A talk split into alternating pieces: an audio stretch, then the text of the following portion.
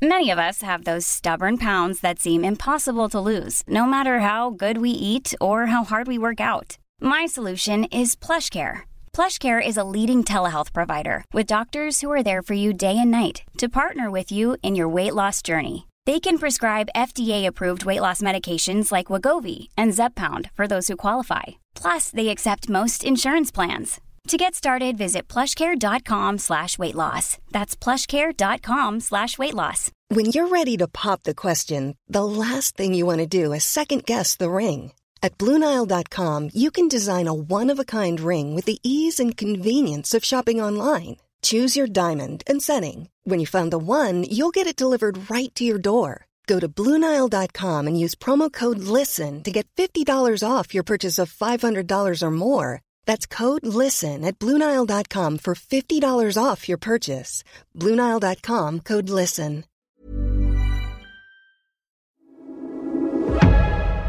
Du lyssnar på GVS ljudböcker.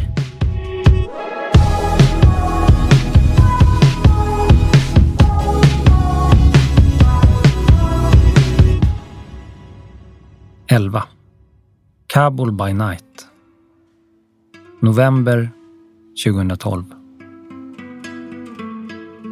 Åter i Kabul känner jag ett starkt behov av normalitet. Vilket för mig som är född och fostrad i den svenska kulturen är liktydigt med att supa.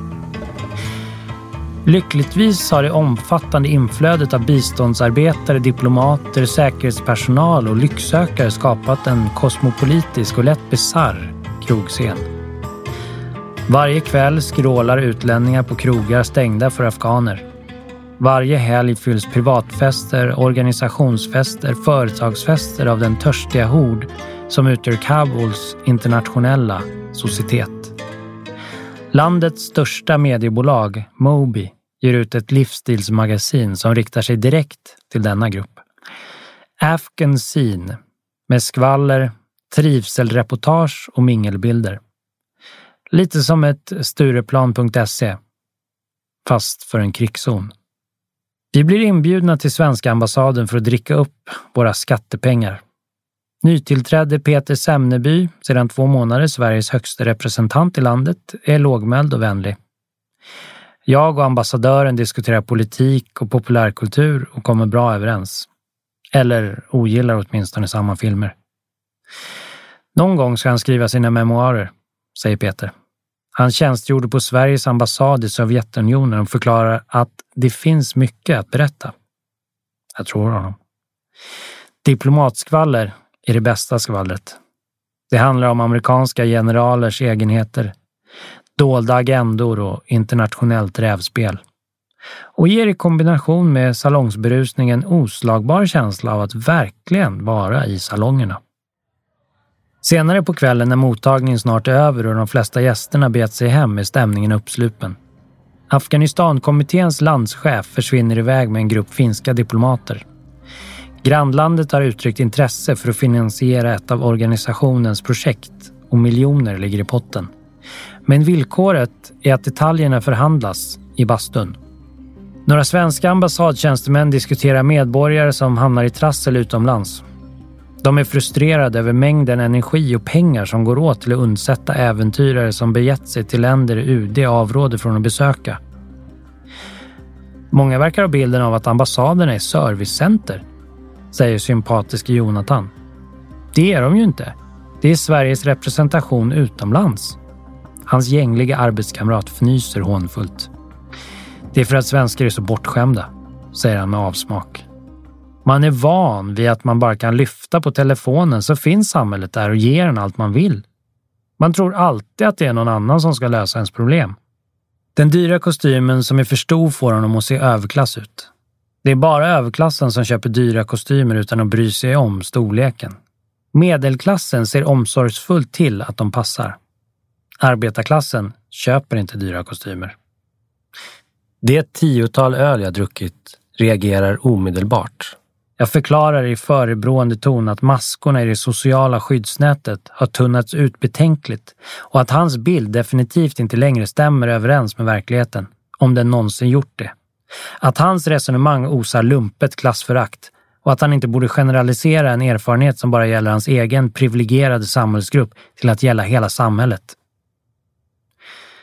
Jag tar hans trumpna reaktion som intäkt för att min inte helt vattentäta slutledning om sambandet mellan kostym och socioekonomisk status var korrekt. Han varken svarar eller pratar mer med mig under resten av kvällen. Diplomatkollegan Jonathan tycks dock ha viss behållning av angreppet.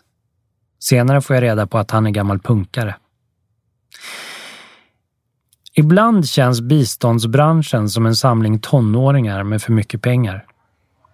Vi blir inbjudna till halloweenfest. Av mejlet framgår att det inte finns parkeringsmöjligheter och att vi inte får ta med oss skjutvapen. I gengäld får vi klä ut oss och möjlighet att delta i en kostymtävling. Kategorierna inkluderar mest olämpliga och bästa ursäkt att vara slampig. Strax efter midnatt är den fria baren nästan torrlagd. Plötsligt ligger istället en papptallrik med färgglada piller på bordet. En stund senare är de borta och dansgolvet hetare än någonsin. Medlemmarna i District Unknown dansar inte. Afghanistans första och enda metalband har en attityd att upprätthålla. De är några av ytterst få infödda som äger tillträde till utlänningarnas slutna värld och för dem är festerna en fristad. För i Afghanistan är hårdrock fortfarande farligt. Jag blir hotad varje dag. Till och med på universitetet där jag går, där folk verkligen borde veta bättre. De har sett bilder på mig där jag gör så här, säger Yusuf Sultani och formar ena handen till det internationella hårdrockstecknet. Jag försöker förklara att det inte är ett satanistiskt tecken, att hårdrockare alltid gjort så här. Det handlar bara om estetiken. Han är bandets sångare och bär en vit mask av gips och gasbindor. Ikväll är den bara en rolig detalj på en fest som tveklöst skulle väcka ilska hos de som hotat honom. Men bakom masken finns en berättelse om riskerna det innebär att ta sig kreativa friheter i ett land som Afghanistan. District Unknown bildades 2008 och gjorde sina första spelningar året därpå. Trots att tillställningarna var små och publiken på sin höjd uppgick till några dussin bekanta började ryktena snart spridas. Och på ryktena följde uppmärksamhet från krafter som de ganska snälla hårdrockarna bedömde att de inte kunde försvara sig mot ensamma. Det slutade med att vi kontaktade myndigheterna, berättar trummisen Pedram Foshani. När vi kom dit visade det sig att Säkerhetspolisen redan spanade på oss. För att de trodde att vi var satanister. Efter en del förklaringar accepterade säkerhetstjänsten att bandet inte var en djävulsdyrkande sammansvärjning. Andra kritiker var inte lika lätta att blidka och District Unknowns framtid tycktes lika osäker som landet. Vi klippte håret, ändrade stil och slutade spela i fyra, fem månader. Det var verkligen illa, säger gitarristen Quais Shagazi. Sen började vi använda maskerna. Dessa masker, ursprungligen en säkerhetsåtgärd, blev under flera år en integrerad del av District Unknowns scenidentitet och kastades först nyligen. För några månader sedan gjorde bandet sin hittills största spelning inför en publik på 400 personer. Strax innan de gick upp på scen beslutade medlemmarna att visa sina ansikten. Pedran beskriver en känsla av befrielse och sorg över att friheten ofrånkomligen är förknippad med fara. Till och med under spelningen när hundra personer headbangade framför oss och allt borde ha varit perfekt, så tänkte jag på vad som skulle hända nästa dag. TV hade varit där och alla skulle kunna se vad vi hade gjort. Du kan aldrig gå helt in i musiken. Till det yttre påminner moralpaniken om Sivert Öholms berömda överreaktion när W.A.S.P. skapade rubriker på 1980-talet. Men i Afghanistan är striden mellan tradition och modernitet långt blodigare än när Ozzy Osbourne bet huvudet av en fladdermus på scenen. Insatserna är högre och offren är människor. När en spelning planeras är säkerheten alltid högsta prioritet. På ett sätt är den rädsla hårdrockarna i Kabul provocerat fram välgrundad. District Unknown vill ha ett annat samhälle. Men revolten är samtidigt förenad med en uppriktig respekt. Upproret handlar inte om att förkasta, utan om att förändra. Vi försöker inte härma ungdomskulturer i Sverige eller i väst, säger Pedram. De gör coola saker, men det är annorlunda här. Vi är djupt rotade i det här landet Du kan inte förstå vad en afghansk familj betyder om du inte bott här i flera år. Kabuls unga har bara en enda subkultur. Identitetskonstruktionen grundar sig i deltagandet i västerländskt influerade uttryck och de olika inriktningarna har ännu inte nått den kritiska massa då de distanserar sig från varandra och definierar sig genom sina skillnader. Olika genrer och stilar ses som ett slags smörgåsbord inom den gemensamma subkulturen. För Kwasem är hårdrocken och graffitimålandet fortfarande integrerade delar av samma konstutövande. Samtidigt har scenen börjat växa sig så stor att den förmår alstra ett sunt mått av konflikter. Subkulturens tillblivelse hänger intimt samman med den höga koncentrationen av utlänningar i huvudstaden. District Unknown bildades sedan en australisk journalist introducerat medlemmarna för varandra.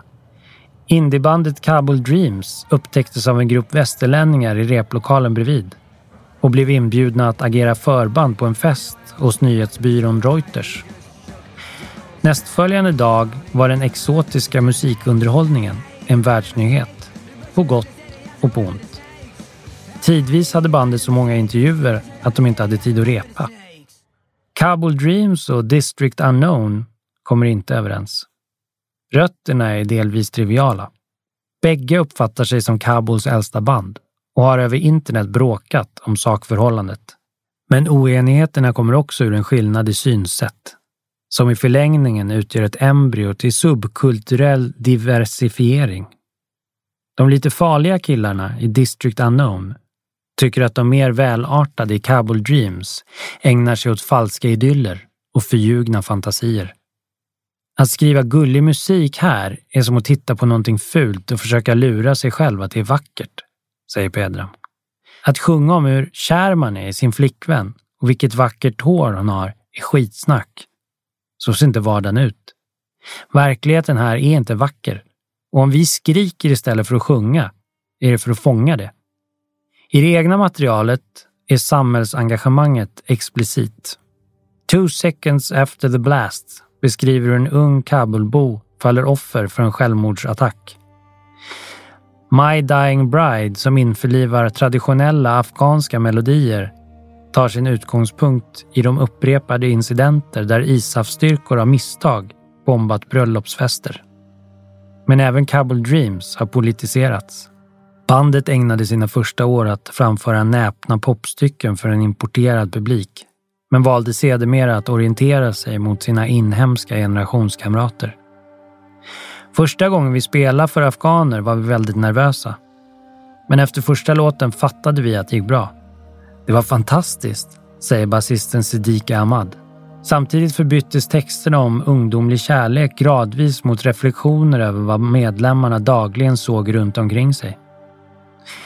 Jag vill egentligen inte kalla låtarna politiska, för här är begreppet politik en annorlunda mening. Men att syssla med samtida musik är alltid politiskt per se. Vi började skriva låtar om enkla saker, som relationer. Sen utvecklades det till att börja handla om samhället. Det var ingenting vi planerade, säger Sedike. När vi först startade bandet var vi tonåringar, säger sångaren Salaman Kardash. Vi tog musiken på allvar då också. Men det var inte som nu. Situationen i det här landet förändras och vi försöker spegla det. Om man jämför med våra första låtar är texterna mer intressanta nu. De har mer innehåll. Och även Kabul Dreams tvingas utstå hot. Det första vi blev anklagade för var att föra hit västerländsk kultur, säger Sedicke. Det är sant till viss del. Men om vi inte gör det kommer de unga ändå att lyssna på det. Det är en del av den kulturella globaliseringen. Uttryck och utövande är centrala beståndsdelar av varje subkultur, men långt ifrån de enda.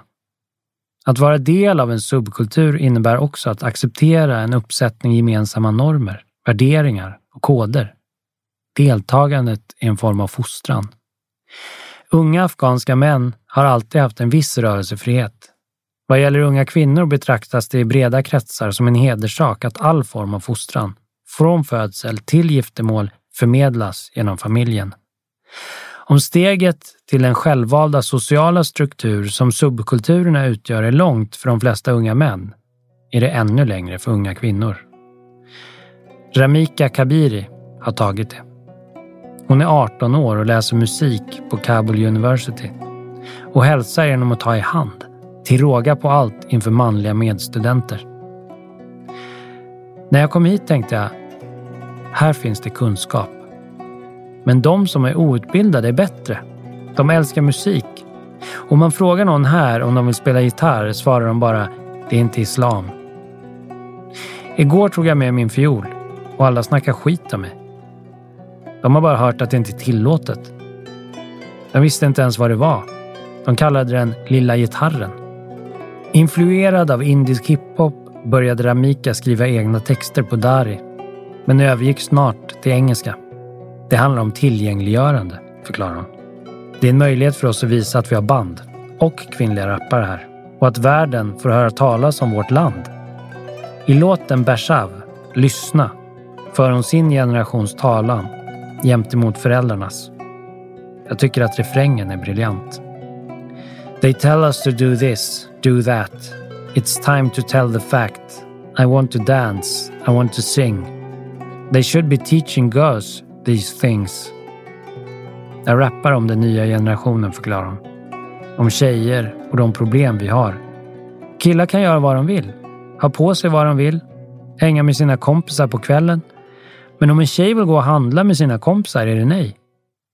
Det är inte föräldrarnas fel. Det är inte talibanernas fel. Det är landet. Det finns en konstant stämning av rädsla. Veckorna efter att ett av hennes framträdanden sänts i tv var Amika lovligt byte på universitetsområdet. Rädslan tog sig samma uttryck som den gör världen över. Den som bryter mot normen stöts ut. De som har mest att vinna på att bryta mönstret reproducerar det. De stoppade mig på vägen till klassrummet. Mestadels tjejer och sa du spelade framför pojkar som dansade. Varför gjorde du det? Jag sa, sången var för er, ni har inte lyssnat. Det var mycket skitsnack. Men när jag hamnar i trubbel, då gör jag fler låtar. Jag kommer fortsätta, tills de ändrar sig. Cabal Dreams är flickidols material. District Unknown estetiserat ursinne. Hittills har publiken i stort sett varit densamma.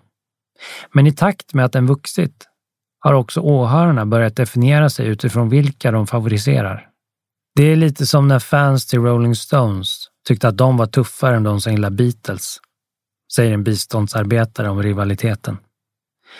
Musikerna är dock tvungna att umgås. Det finns få ställen att repa på, ännu färre där man kan spela in. Och bägge delarna kräver att du först lyckas få tag i bristvaran instrument. Ibland får vi inte tag på instrument i spelningarna heller. Då får man spela basen på akustisk gitarr eller kasta in en tabla istället för trummor, säger Quais. Han är den enda i District Unknown som inte var flykting under kriget, som inte är medelklass. Han är också tveklöst mest rock'n'roll av dem. Pedram är trött på att bli intervjuad.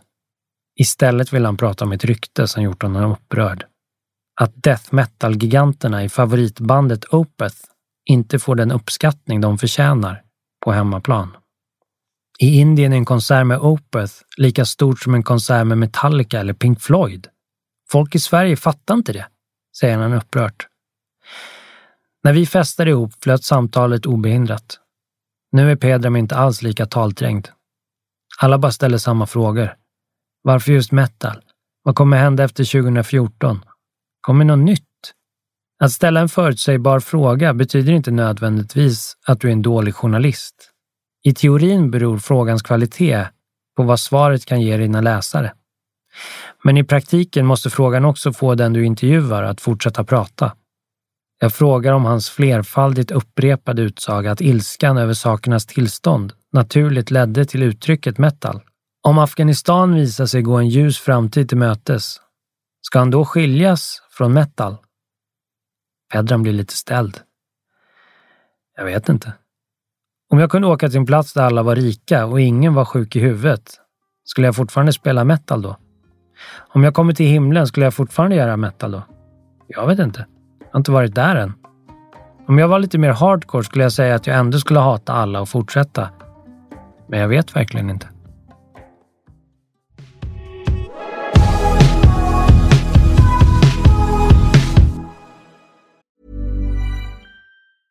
Many of us have those stubborn pounds that seem impossible to lose, no matter how good we eat or how hard we work out. My solution is PlushCare.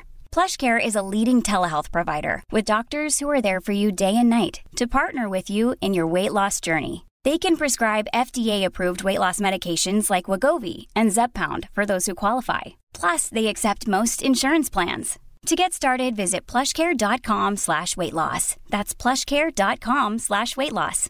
Hey, Dave. Yeah, Randy. Since we founded Bombus, we've always said our socks, underwear, and T-shirts are super soft. Any new ideas? Maybe sublimely soft. Or disgustingly cozy? Wait, what? I got it. Bombus. Absurdly comfortable essentials for yourself and for those facing homelessness. Because one purchased equals one donated. Wow, did we just write an ad?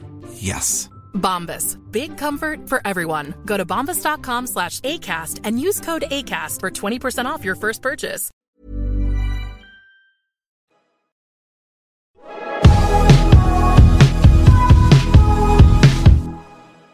Tolv.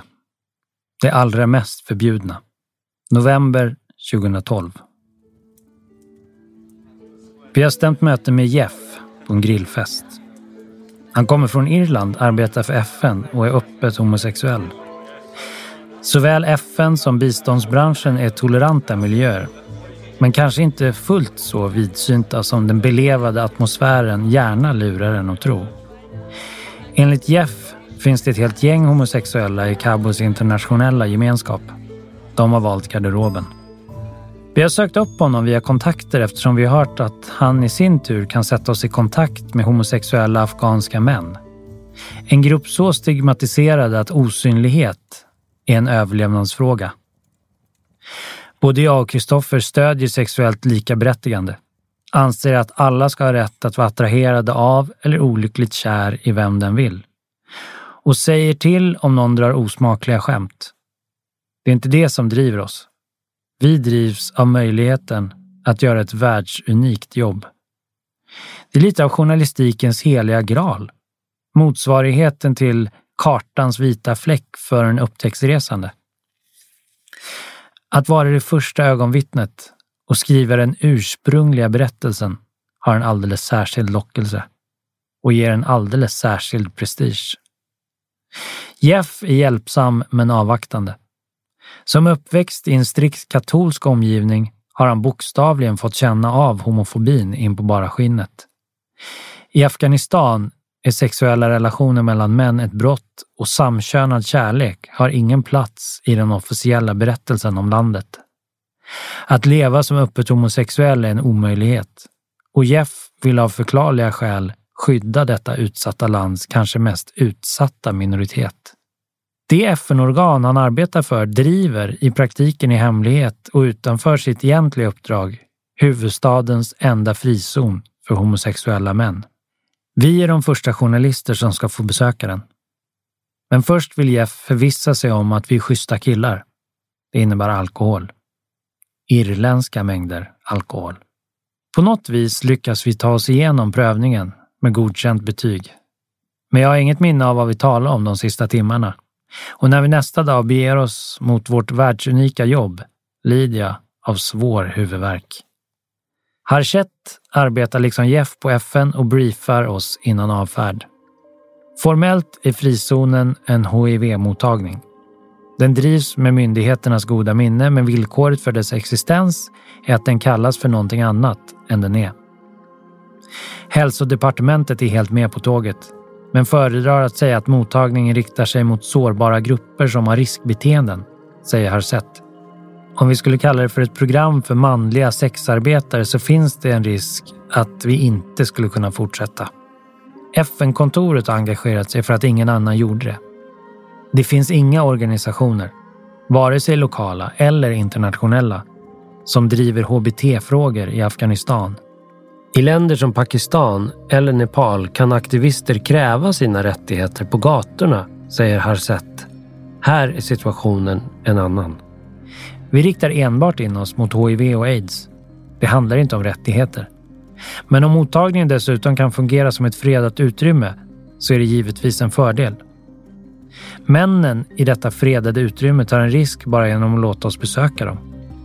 Grannarna i det omgivande bostadsområdet känner inte till frizonen som döljer sig bakom de pistagegröna murarna och för de som inte har någon annanstans att vistas är den personliga säkerheten beroende av det förhållandet består.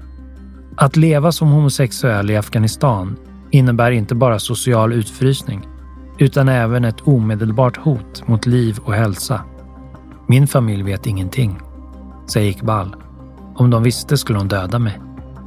Han är 26 år gammal, homosexuell och prostituerad sedan 12-årsåldern.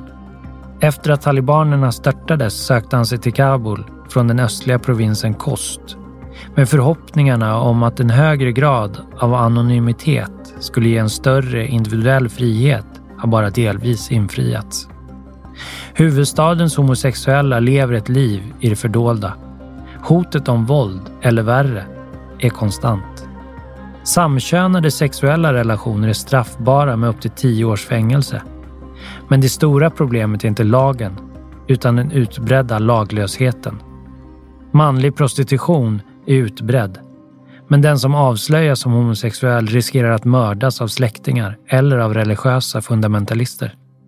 Iqbal berättar om en tillvaro där övergrepp är vardag och förövarna ofta bär uniform. Även om miljonstadens myller erbjuder ett visst skydd har många patrullerande poliser lärt sig känna igen Kabuls prostituerade och lärt sig att det är riskfritt att utnyttja dem. När vi är på väg till fester för att arbeta blir vi ofta arresterade av polisen. Sen tvingar de till sig sex. Det vänliga leendet försvinner när Iqbal berättar om hur han några dagar tidigare greps av sex poliser och hölls kvar en hel natt. Jag hatar poliser, fräser han. Jag hatar alla i uniform. Jag har hellre sex med 20 personer gratis än att bli våldtagen en gång. Hans vänner berättar liknande historier. Läkarna på mottagningen bekräftar att de regelbundet måste vårda besökare som utsatts för grovt sexuellt våld. Mottagningen erbjuder inte mycket i fråga om rekreationsmöjligheter. På bottenvåningen finns medicinsk personal och ett undersökningsrum. På våningen över huserar Iqbal och hans olycksbröder i ett slags uppehållsrum, spartanskt inrett, där det inte finns mycket annat att göra än att prata, testa ögonskugga och dricka te. Men där ingen behöver dölja sin identitet. Här är det säkert, säger Iqbal.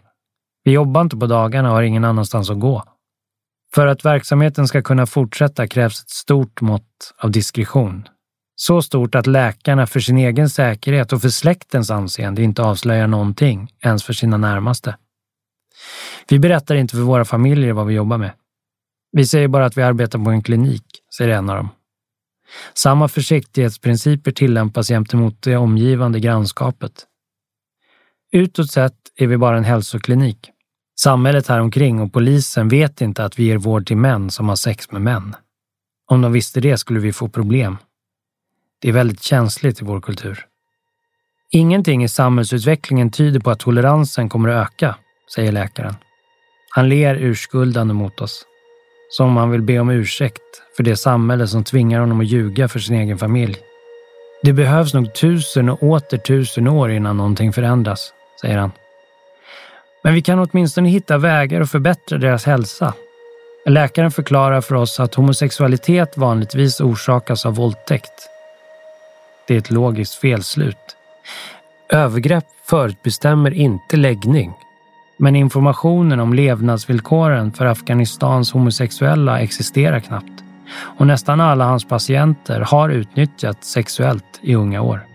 Den enda kvantitativa data som finns bygger på enkätundersökningar där mottagningens patienter ingått. Underlaget är litet, men tecknar en skrämmande bild. 40 procent rapporterar att deras första samlag var påtvingat. 28 procent uppger att de blivit våldtagna under det senaste året. Runt om i landet utnyttjas minderåriga Bachabazi, dansande pojkar, sexuellt av vuxna män.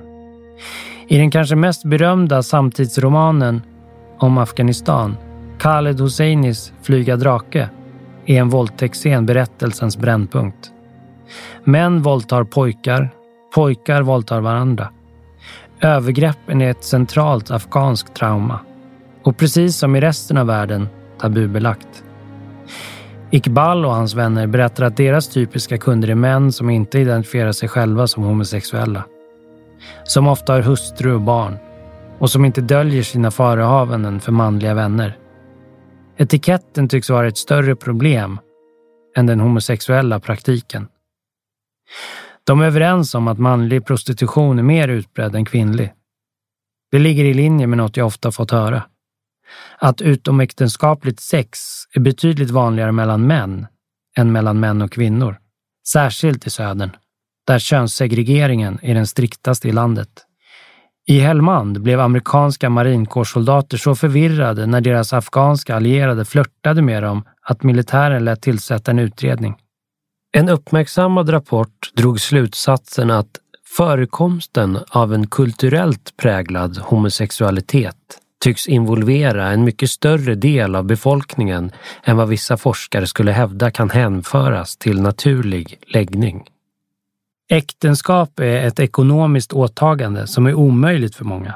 Och förutsatt att samtycke föreligger låter det positivt att människor söker njutning på andra håll. Men rapporten beskriver också hur det bland mäktiga befälhavare anses visa status att ta sig unga pojkar som sexleksaker. I ett land fullt av hierarkier tycks sexualiteten ofta ta sig formen av en maktordning som läggs ovanpå de redan befintliga.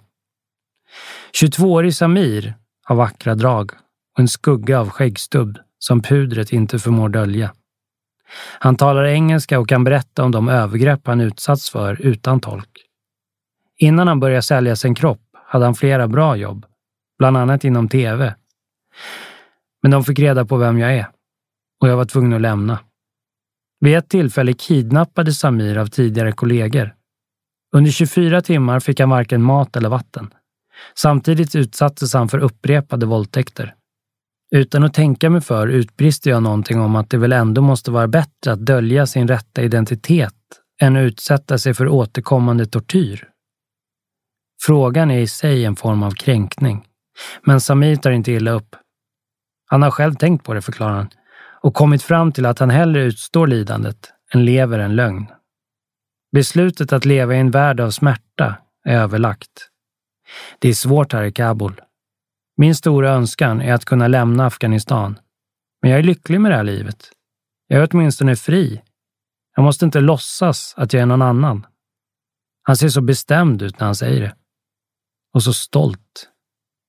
Det är ett slitet uttryck, men hans ögon lyser. När intervjun är slut dröjer vi oss kvar. Dricker te, pratar, tittar på när dessa osannolika människor övar sina danser. Jag och Samir tar bilder ihop. Han lägger armarna om min hals och blickar förföriskt mot kameran. Någon nyper Kristoffer i rumpan och för några sorglösa ögonblick umgås vi på lika villkor. Det varar självfallet inte. Mörkret börjar falla. Iqbal, Samir och de andra torkar av sitt smink och lämnar mottagningens trygghet. Beger sig i skydd av skymningen mot de enda jobb de kan hitta. De går till fots. Vi åker bil. Ingen av oss säger någonting på en lång stund. Vi är bägge fullständigt medtagna av mötet med dessa män och deras vänlighet och deras värdighet. Vi bryr oss inte om det världsunika jobbet längre. Vi är bara så oerhört hedrade att få berätta deras historia.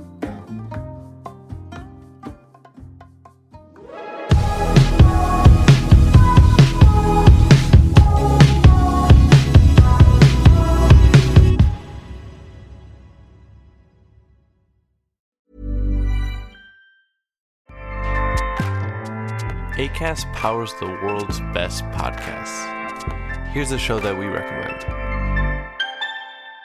The Real Housewives is a guilty pleasure for most, but if you're looking to not feel guilty about that pleasure, tune in to Everything Iconic with me, Danny Pellegrino, where I break down all the messy moments and behind the scenes antics of Bravo's popular franchise. And on Everything Iconic, I also interview celebrity guests like Kelly Ripa, Kiki Palmer, Drew Barrymore, Cameron Diaz, and more about their guilty pleasures, their past work, and so much more. So if you're pop culture obsessed and find yourself watching way too much reality TV like me, tune in to Everything Iconic with Danny Pellegrino wherever you listen to podcasts. ACAST helps creators launch, grow, and monetize their podcasts everywhere. ACAST.com.